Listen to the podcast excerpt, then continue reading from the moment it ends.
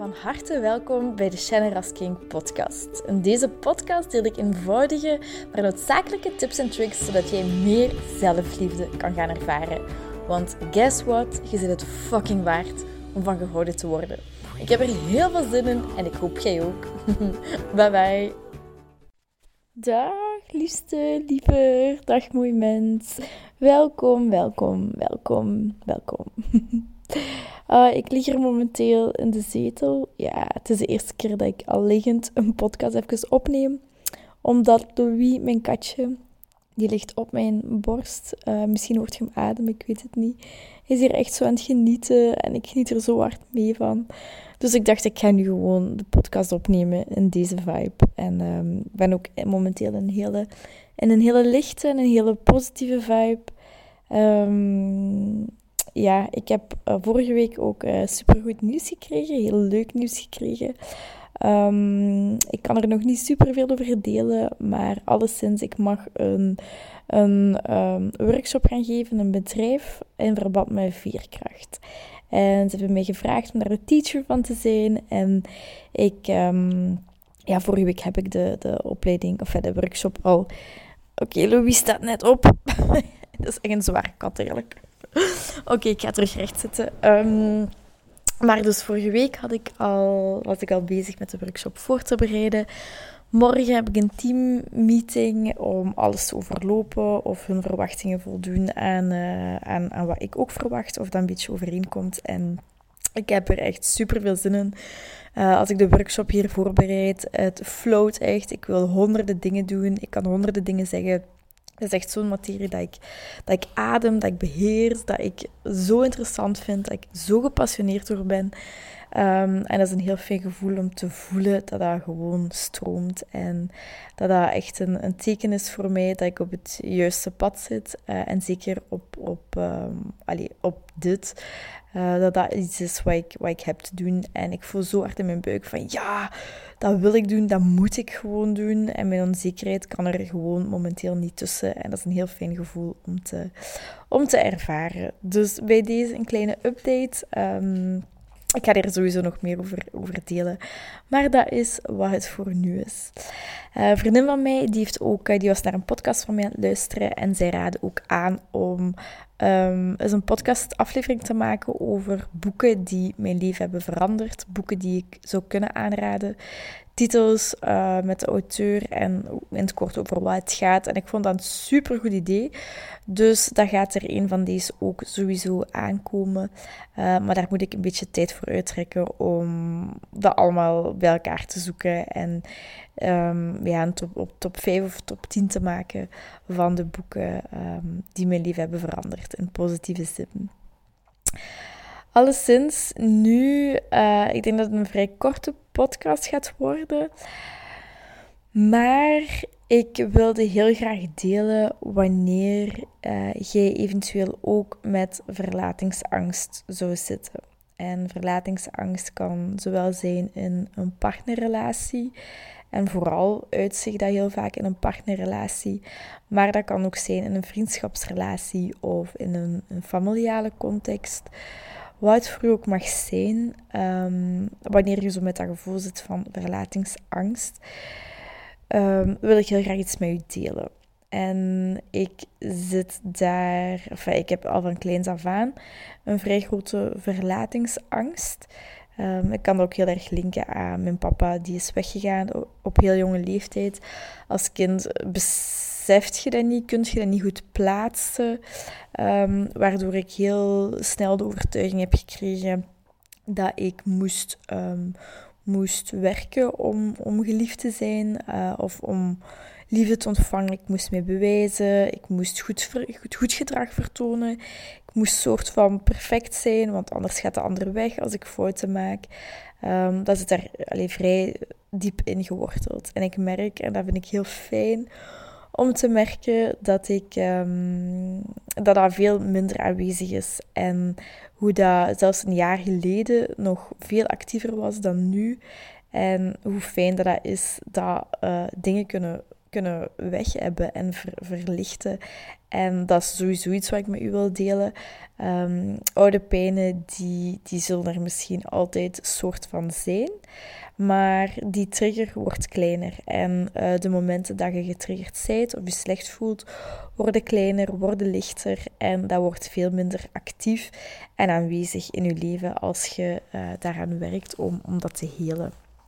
En um, ik heb er al heel veel oefeningen rond gedaan. Uh, als jij met verlatingsangst zit. Je hebt ook um, EFT, heet dat. Uh, moest het een video zijn, kon ik het zelf voordoen. Maar uh, eh, EFT voor verlatingsangst. Als je dat op Google opzoekt, dan gaat je daar normaal gezien heel veel video's over vinden. Ik zou je ook aanraden om dat te doen. Dat is een soort van tappingsoefening, waarbij je je onbewuste geest gaat connecteren met je bewuste geest en um, je verlatingsangst kunt helen. Alleszins, dat is iets wat ik fysiek zou moeten voordoen, wat niet gaat. Uh, hier gewoon via een podcast. Maar um, en ik kom tot mijn punt, I swear. In, uh, op Instagram volg ik um, een paar datingscoaches. En dat staat nog af van de tijd, uh, alsof dat super lang geleden is. Dus maar twee maanden geleden dat ik single was. En dat ik uh, die coaches volgde. En hoe hard ze daarop hamerden van dat de foute vraag is: hoe kan ik de man aan mij binden? Of hoe kan ik zorgen dat die man mij wil?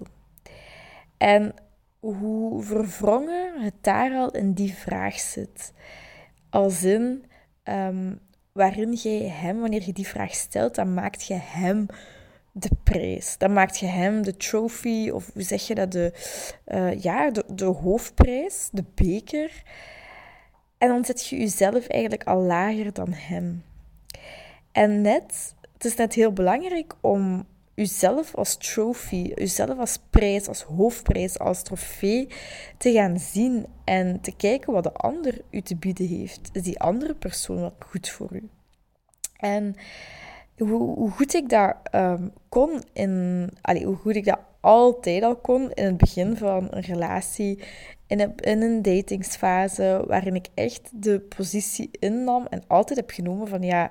Um, soort van, jij, niet van, je moet, mij, je moet je bewijzen, maar ergens wel een beetje de, de boot afhouden en kijken van, oké, investeert je wel in mij? Um, ik voelde mezelf ook echt de, de, de, de, de hoofdprijs op heel veel momenten. Uh, alleen is dat, vervaagt dat zo'n klein beetje naarmate ik in een relatie kom. En waarbij ik heel sterk in verbinding aanga. En dan wil ik het liefst dat het harmonieus is. Ik wil geen, liefst geen conflicten hebben. Ik wil dat de andere persoon zich goed voelt. Um, ik, wil dat, dat, ik wil dingen voor hem doen. Ik wil mijn best doen. Ik wil er mooi uitzien. Ik wil, ik wil van alles doen voor hem. En hoe hard dat ook volledig oké is. En ik dat ook een hele positieve eigenschap van mezelf vind. Um, merkte ik de laatste dagen, ik heb dat ook gedeeld denk ik in een vorige podcast, dat ik te hard was gefocust op, op hem en op zijn plezier en dat hij gelukkig zou zijn. En hoe hard ik dan in die verlatingsangst kom. Want ik, ik besef dat je nooit, naar, naar mijn eigen gevoel, ga ik nooit genoeg kunnen doen om die andere persoon bij mij te houden. En dan wordt dingen voor de ander doen, wordt een soort van manipulatie. En dat is een heel sterk woord daarvoor. Maar eigenlijk is dat een soort van manipulatie. Ik wil goed doen voor u. Ik wil absoluut niet zorgen dat er conflict is. Ik wil, um, ik zeg maar iets, u, u, u ontbijt maken. Of ik wil me sexy kleden. Of wat ook mag zijn.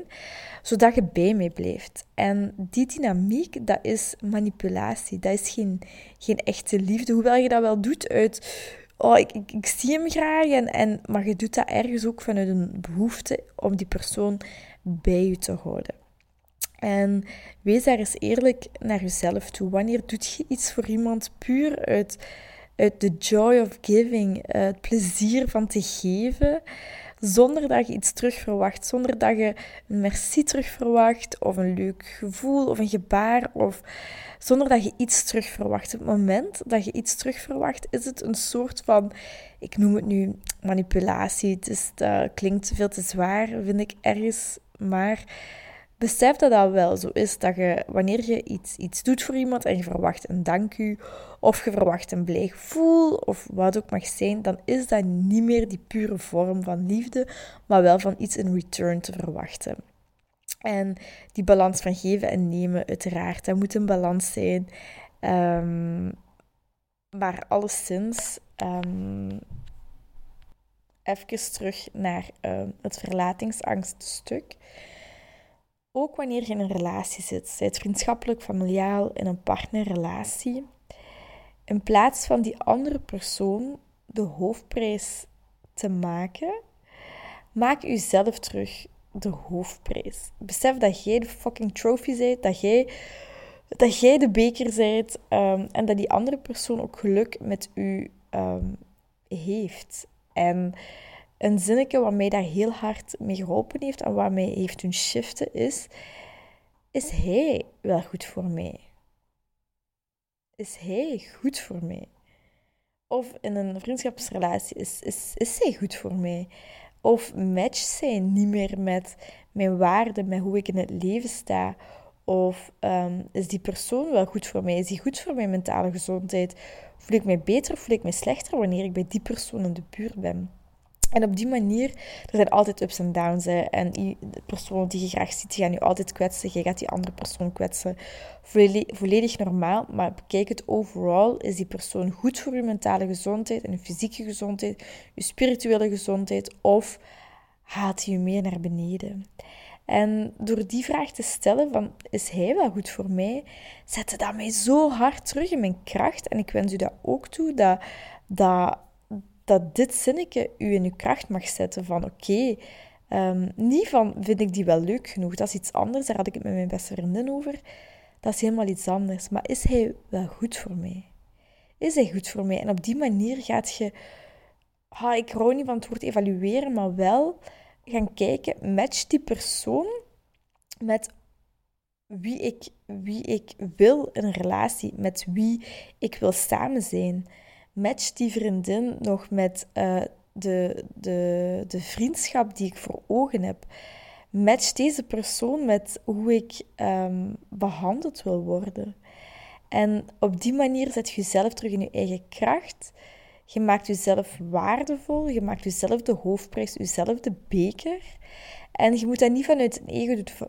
Sorry, vanuit je ego doen van ik ben beter, ik weet het beter en je moet mij zo en zo en zo behandelen, want dat is dan de valkuil. Maar gewoon de vraag stellen, oké, is die persoon goed voor mij? Maar wel in, bij jezelf blijven en niet, um, niet je boven de ander gaan stellen, niet onder de ander gaan stellen, maar gelijk stellen. Gelijk in verbinding. Niet opkijken naar iemand, niet, niet neerkijken naar iemand, maar gelijk in verbinding zijn. En um, dat is ja, wat, ik, wat ik je toewens. Want ik weet hoe moeilijk het kan zijn om een verlatingsangst te, te, te functioneren, te fungeren. Ehm, en wat ik misschien ook nog wil meegeven is, en dat is een duidelijk verschil dat ik merk. Vroeger was mijn verlatingsangst heel actief, waardoor ik daar ook heel erg naar ging handelen. Als in mij afsluiten, boos zijn, ruzie zoeken, achter dingen uh, verhalen maken, daarin geloven. Um, ja, echt gewoon fucking ambetant worden op mijn partner en echt een bitch worden. En hoe ik dan nu gewoon die verlatingsangst kan voelen, en die was echt twee, drie dagen echt bijna continu aanwezig, maar hoe dat gewoon een gevoel was, onaangenaam, ga ik echt sowieso niet ontkennen, heel onaangenaam zelfs. Maar hoe ik dat wel heb kunnen delen van kijk, ik voel me momenteel niet waardevol en ik voel me ik zit momenteel in een verlatingsangst. En hoe ik dat kon delen, maar zonder um, daarin mee te gaan, zonder mee af te sluiten of zonder ambetant te gaan doen. Of weet ik veel dat je dan je ego-reacties dat jij dan ook hebt, die ik ook heb. En dat is het punt waarop je merkt dat je aan het helen bent. Wanneer situaties die je vroeger super hard um, ongelukkig maakten of verdrietig maakten of boos maakte, gefrustreerd maakte, dat je nu minder gefrustreerd bent. minder verdrietig bent. Dat, er, dat die trigger niet zo hard aanwezig is. En dat is dus het zinnetje wat ik, wat ik wil meegeven wanneer je met verlatingsangst zit in vriendschap, familiale context of in een partnerrelatie. Is die persoon goed voor mij? Stel jezelf die vraag. Is die persoon goed voor mij? En voel dan echt gewoon. Wat doet dat met u? Uh, doet dat niks met u? Doet dat wel iets met u? Maar herhaal dat zinnetje een paar keer. En um, wanneer je met die verlatingsangst zit, waardoor je, ja, zoals ik zeg, meer in je kracht komt.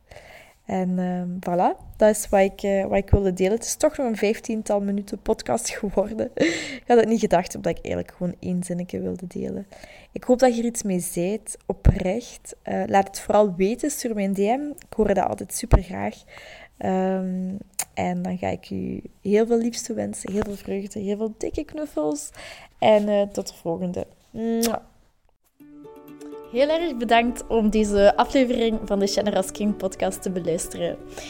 Mijn doel is om zoveel mogelijk liefde in de wereld te brengen en ik hoop dat je dat met dit een beetje gevoeld hebt. Um, als je dat gevoeld hebt, stuur me een DM, tag me in je story dat je dit geluisterd hebt en ik zie heel graag je reactie tegemoet komen. Ik wens je heel veel liefs en nog heel veel liefde en plezier toe. Mwah.